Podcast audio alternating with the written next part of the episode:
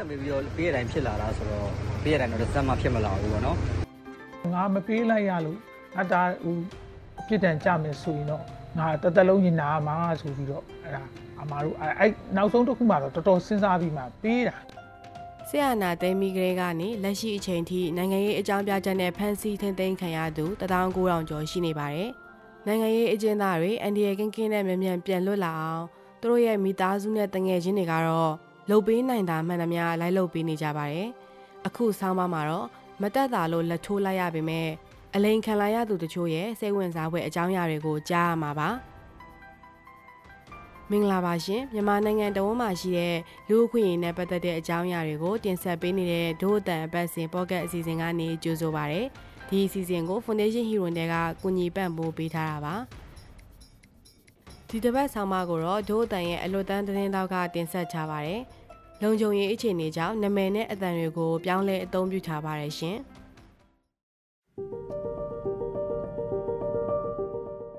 အချင်းချင်းပဲအမှုတဲ့အချင်းချင်းပဲကိုရီလိုပဲအမှုတဲ့အချင်းချင်းပဲအာ तू ကနေပြီးတော့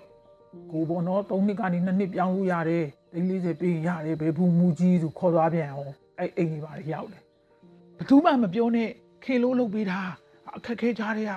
ဒါသိလုပ်ပေးရတာသူများသိပြဿနာတက်မယ်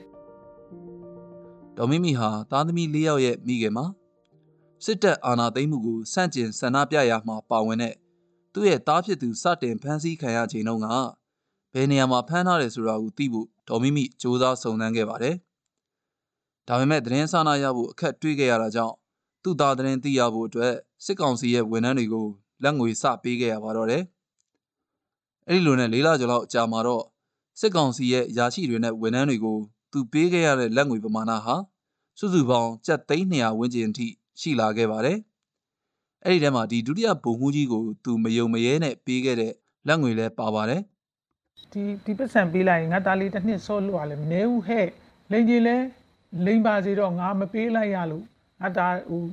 အပြစ်ဒဏ်ကြမယ်ဆိုရင်တော့ငါတစ်သက်လုံးညင်နာမှာဆိုပြီးတော့အဲ့ဒါ အမားတို့အဲ့အဲ့နောက်ဆုံးတစ်ခုမှတော့တော်တော်စဉ်းစားပြီးမှပေးတာတခါတည်းငွေပါလဲဆုံးသားလဲဆုံးအဲ့လိုဖြစ်တာ။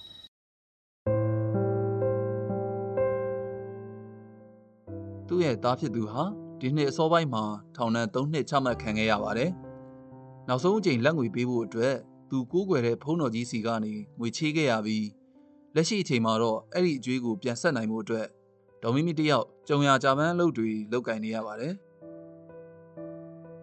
ဒီလိုလက်ထိုးနေရတာဟာဒေါ်မီမီတယောက်တည်းတော့မဟုတ်ပါဘူး။မဆန္နာဟာရင်တော့ကနိုင်ငံသားဘာသာတင်တဲ့ဆရာမတယောက်ပါ။ဒါပေမဲ့အာနာသိမ့်ပြီးနောက်ပိုင်းဆန္ဒပြပွဲတွေမှာပါဝင်ခဲ့တာကြောင့်သူ့ကိုစစ်တပ်ကပြစ်မှတ်ထားခဲ့ပါတယ်။ဒါကြောင့်သူ့ရဲ့အသက်မွေးဝမ်းကြောင်းအလုပ်လည်းရပ်တန့်သွားခဲ့ရပါတယ်။အဲဒီနောက်ပိုင်းမှာသူ့ရဲ့မောင်ဖြစ်သူဟာလည်းအင်ကြီးအမဲရောင်ဝစ်ပြီးအပြင်ထွက်လို့ဆိုပြီးစစ်တပ်ကဖမ်းဆီးထောင်ချတာကိုခံခဲ့ရပါတယ်။ အဖမ်းခံထားရတဲ့မောင်ဖြစ်သူနှိပ်စက်ညှဉ်းပန်းခံရမှာကိုသူစိုးရိမ်နေခဲ့ရပါတယ်။ဝေးလံခေါင်သီးတဲ့ဒေသကအကျဉ်းတော်ကိုသူ့ရဲ့မောင်မပြောင်းရစေဖို့အတွက်ငွေကျပ်30ကိုချေးငှားပြီးအကျဉ်းဦးစီးဌာနကအရာရှိတွေကိုမက်ဆန်နာလက်ထိုးခဲ့ရပါတယ်။အဲ့ဒီလက်ထိုးမှုဟာလှုပ်ဖြစ်ခဲ့ပေမဲ့မက်ဆန်နာတို့မိသားစုအတွက်မလူလားအပ်တဲ့နောက်ဆက်တွဲကိစ္စတွေတော့ရှိခဲ့ပါတယ်။စီးပွားရေးကတော်တော်ကိုကြက်တာပေါ့ကျွန်တော်ဘာ business မှာလုပ်လို့မရဘူး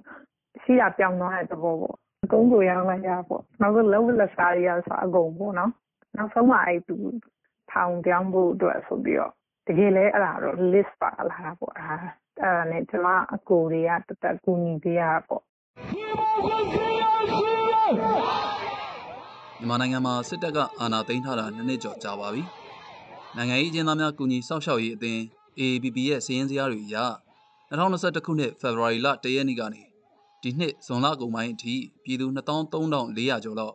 နိုင်ငံရေးအကြောင်းပြချက်နဲ့ဖမ်းဆီးထိန်သိမ်းခံခဲ့ရပါတယ်။မြန်မာနိုင်ငံကအကျဉ်းထောင်တွေရဲ့အခြေအနေဟာရှိတဲ့လူဦးရေပမာဏထက်အဆမတန်များပြားနေပြီးတန်ရှင်းမှုလည်းမရှိဘူးလို့သတင်းတွေမှာဖော်ပြပါတယ်။ဖမ်းဆီးထိန်သိမ်းခံရသူတွေဟာရိုက်နှက်တာနဲ့နှိပ်စက်ညှဉ်းပန်းတာတွေခံရတယ်လို့လည်းဖော်ပြကြပါတယ်။အာနာသိမ့်ပြီးကလေးကစစ်တပ်ရဲ့စစ်ကြောရေးစခန်းတွေမှာတေဆုံးခဲ့ရသူအနည်းဆုံး61ယောက်ရှိပြီလည်းဖြစ်ပါတယ်။ ကုလသမဂ္ဂရဲ့လူခွင့်ရေးကြေညာစာတမ်းအပိုင်9မှာညီလူကိုမျှညှဉ်းပန်းနှိပ်စက်ခြင်းဒိုဒီမဟုတ်ရက်ဆက်ကြမ်းကြုတ်စွာလူမဆန်စွာဂုံငယ်စီသောဆက်ဆံမှုမပြုရဒိုဒီမဟုတ်အပြစ်ဒဏ်ပေးခြင်းမပြုရလို့ဖော်ပြထားပါတယ်အကျဉ်းသားမိသားစုတွေနဲ့တငယ်ချင်းမိတ်ဆွေတွေဟာလက်ငွေမပေးကြကြပေမဲ့သူတို့ချစ်တဲ့ခင်တဲ့သူတွေအနိုင်ကျင့်နှိပ်စက်ညှဉ်းပန်းမခံရစေဖို့နဲ့စောစောလွတ်မြောက်လာဖို့မျှော်လင့်ပြီးအများစုကလက်ငွေပေးကြပါတယ် အဲ့ဒီထဲမှာကိုဝေရန်လည်းပါပါတယ်သူ့မိတ်ဆွေသတင်းတော်တွေထဲကထောင်ဒဏ်ချမှတ်ခံထားရသူ၃ယောက်နဲ့ဖမ်းဆီးထိန်းသိမ်းခံထားရတဲ့တယောက်ကိုကူညီဖို့အတွက်သူလက်ငွေပေးခဲ့ရတာပါဒီချိန်မှာတော့သူ့ကိုကြားခံလူတယောက်ကနေတဆင်စစ်တပ်ကဗိုလ်မှူးကြီးတယောက်ကချင်းကပ်လာပါတယ်သူ့ရဲ့တငယ်ချင်းတွေကိုစစ်ကြောရေးစခန်းကနေပြန်လွတ်အောင်လုပ်ပေးမယ်ဆိုပြီးလက်ငွေကျပ်380တောင်းခံခဲ့တာပါဒါပေမဲ့လည်းအဲ့ဒီကြားလူဟာအမှုနဲ့ပတ်သက်ပြီး မှန်ကန်တဲ့အသေးစိတ်အချက်လက်တွေကိုတော့မသိခဲ့ပါဘူး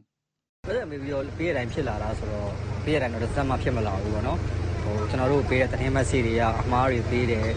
အဲတော့ကျွန်တော်ကပြောမယ်ဆိုရင်ဗျာအထက်ကလူရဲ့အခြေအနေကျွန်တော်တို့မတွေ့မရအခြေကျွန်တော်တို့ကအဲ့ဒီအခြေအနေဖြစ်မှန်အောင်ကျွန်တော်တို့ဘာမှမသိရဘူးပေါ့နော်အဲ့တော့ဟိုပြောမယ်ဆိုဘာသတင်းမက်ဆေ့မှမမှန်ဘူးပေါ့နော်နောက်ဆုံး ဟိုကျွန်တော်တို့လူတွေကဟိုရက်စကန်ရောက်နေဒီထီအောင်သူတို့ကအာအခုပဲစစ်ကြောရလွတ်တော့ငါဘာညာလို့ပြောဒါပေမဲ့သူတို့လွတ်တော့မယ်ဆိုတော့ပြောတဲ့လူကဟိုရက်စကန်ရောက်နေပြီဗျာစစ်ကောင်စီတပ်ဖွဲ့ဝင်တွေဟာလက်ငွေတောင်းရမှာအမှုကိစ္စအကြီးအသေးနဲ့လူပေါ်မူတည်ပြီးငွေကျပ်တောင်းကနန်းကနေတိန်းရာကနန်းထိတောင်းလေးရှိတယ်လို့ဒို့အတန်ကတွေးဆုံမေးမြန်းခဲ့သူတွေကပြောပါတယ်။ဖန်စီခံထားရသူတွေကိုတရားရုံးထုတ်လာတဲ့အခါမှာမိသားစုဝင်တွေဟာစစ်ကောင်စီဝန်ထမ်းအဆင့်ဆင့်စီကို ငွေကိုအလှလုပ်တယ်လို့ပဲဝေချမ်းရေးလုပ်ကြရပါတယ်။တကယ်တော့စစ်ကောင်စီတပ်ဖွဲ့ဝင်တွေရဲ့အာဂရိလိုက်စားမှုတွေနဲ့ပတ်သက်ပြီးအရေးယူဖို့အတွက်အဂရိလိုက်စားမှုတိုက်ဖျက်ရေးဥပဒေရှိပါတယ်။ဒီလက်ပေးလက်ယူမှုဆွဆွဲချက်တွေနဲ့ပတ်သက်ပြီးမေးမြန်းမှုအတွက်အဂရိလိုက်စားမှုတိုက်ဖျက်ရေးကော်မရှင်ရုံးချုပ်ကိုဒို့အတန်ကဖုန်းနဲ့ဆက်သွယ်ခဲ့ပေမဲ့လက်ခံဖြေကြားခြင်းမရှိပါဘူး။လက်ပေးလက်ယူမှုတွေကိုတက်သေးပြဖို့အတွက်လည်းခက်ခဲနေပါတယ်။စစ်ကောင်စီအရာရှိတွေဟာလက်ငွေတောင်းရမှာ ဂျားကန်လူကနေတဆင့်ဆက်သွယ်လေးရှိပြီးတက်သေးမကြံအောင်ပြုလုပ်လေးရှိတယ်လို့ဒို့အတန်ကတွေ့ဆုံမေးမြန်းခဲ့သူတွေကပြောပါတယ်။လူခွင့်ရေးကိစ္စတွေကိုဒီဇိုင်းမှတ်မှတ်လုပ်ခဲ့တဲ့ရှေ့နေဦးကျော်စရာကတော့လက်ရှိတရားစီရင်ရေးမန်နိုင်ရဲ့အခြေအနေအရငွေညစ်တဲ့လက်ငွေတောင်းတဲ့သူတွေကိုအမှုဖွင့်တိုင်ကြားလို့မရနိုင်ဘူးလို့ပြောပါတယ် ဒီလိုပေးလိုက်ရခြင်းကကျွန်တော်တို့ကတရားဝင်ပေါ့နော်စာချုပ်စာတမ်းနဲ့တရားဝင်လူသိရှင်ကြားပေးတာမဟုတ်ဘူးပြောရမလို့လက်ကျိတ်တို့ပေးကြတဲ့ကိစ္စပေါ့နော်တက်တေးထောက်ထားကိုပြဖို့ကလည်းတော်တော်လေးခက်ခဲတယ်ပေါ့နော်ခက်ခဲတာဖြစ်တဲ့အတွက်ဒီຢာတွေကိုကျွန်တော်တို့ကဒီဥပဒေအကြောင်းအရအမှုတိဆောက်ဖို့ဆိုတာတော့တော်တော်တော့မလွယ်ဘူး။ဘာဖြစ်လို့လဲဆိုတော့ဒီအမှုကိုဟိုတိဆောက်ပေးဖို့ဒီအမှုကိုအဲစီရင်ချက်ချပေးဖို့ဒီအမှုကိုစစ်စစ်ပေးဖို့လူတွေကပဲဒီအလုပ်လုပ်နေတာဖြစ်တဲ့အတွက်ပေါ့နော်အာနာသိမ့်ပြီးကလေးကအခြေခံပြည်သူတွေဟာ ယိုရင်းလာတဲ့စီးပွားရေးခုံတို့မြင့်တက်လာတဲ့ငွေကြေးဖောင်းပွားမှုနဲ့အလုံးလက်မဲ့တို့မြင့်တက်လာမှုတွေကြားပင်ပင်မန်းမန်းရုန်းကန်နေရပါတယ်။ဒို့အတန်ကတွေ့ဆုံမင်းညမ်းခဲ့တဲ့နိုင်ငံရေးအကျဉ်းသားမိသားစုတွေဟာစည်ရဲနွမ်းပါသူတွေမဟုတ်ပေမဲ့လည်းငွေကြေးချမ်းသာကြသူတွေတော့မဟုတ်ပါဘူး။ကိုယ့်ရဲ့မိသားစုဝင်ဒါမှမဟုတ်တငယ်ချင်းမိတ်ဆွေစပြီးအဖမ်းခံရချိန်မှာစစ်ကောင်စီတပ်ဖွဲ့ဝင်တွေတောင်းတဲ့ငွေကိုပေးဖို့အတွက်မခက်ခဲလှပေမဲ့လည်းကြာလာချိန်မှာတော့စားဝတ်နေကြက်တဲလာကြပါတယ်။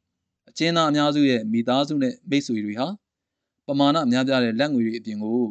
သူတို့ချစ်တဲ့ခင်တဲ့သူတွေထောင်ထဲမှာအသက်ရှင်ရပ်တည်နိုင်မှုအတွက်အစားအသောက်နဲ့ဆေးဝါးတွေပို့ပေးရတယ်လို့ထောင်အာဏာပိုင်တွေအတွက်လည်းပမာဏမများတဲ့လက်ငွေတွေပေးကြရပါတယ်။တားဖြစ်သူထောင်ချခံထားရတဲ့ဒေါ်မီမီကတော့သူတို့မိသားစုရုန်းကန်နေရတဲ့အကြောင်းအခုလိုပြောပြလာပါတယ်။ဆရာနာသိမ်းမှတက်လာတဲ့ကုံစည်းနှုံးနဲ့ဝင်ခွေရတော့မလားဘူးလောက်ကျွေးမဲ့သူကအထဲရောက်ဟုတ်လားအဲ့တော့ သူ့အတွက်တစ်လောက်ဥမာတသိန်းခွဲလောက်ကိုကုန်အောင်မိသားစုစားတယ်တွေကထိတာပဲအဲ့တော့ပြောရင်တော့မသိရင်ငွေစားတော့တာပေါ့စားမဲ့တွေကတစ်ခွက်လောက်ကဒါတဲ့ထားတော့မိသားစုတစုကဘာဖြစ်သွားလဲတွက်ကြည့်ချိန်ထဲမှာပဲကိုဝေယံကလည်းသူနဲ့သူ့တငယ်ချင်းတွေရဲ့မိသားစုတွေက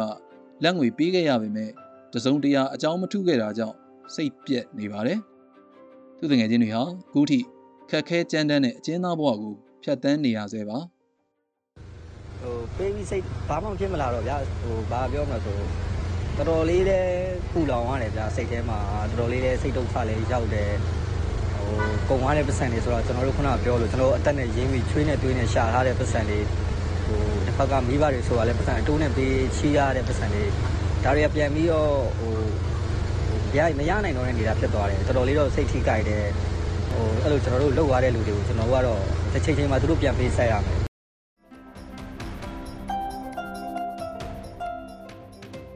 အခုတင်ဆက်ပေးခဲ့တဲ့အစီအစဉ်ကို နားဆင်ကြကြရလို့ကျေနပ်မယ်လို့တို့အတန်ဖွဲ့သားတွေကမျှော်လင့်ပါတယ်ဒီအစီအစဉ်ကိုလူရှင်တွေကပံ့ပိုးကူညီထားပြီး Frontier မြန်မာနဲ့ Foundation Hero တွေကပူးပေါင်းတင်ဆက်ကြတာဖြစ်ပါတယ်တို့အတန်အစီအစဉ်ကိုနားဆင်ပေးရတဲ့အတွက်ကျေးဇူးအထူးတင်ရှိပါတယ်ရှင်။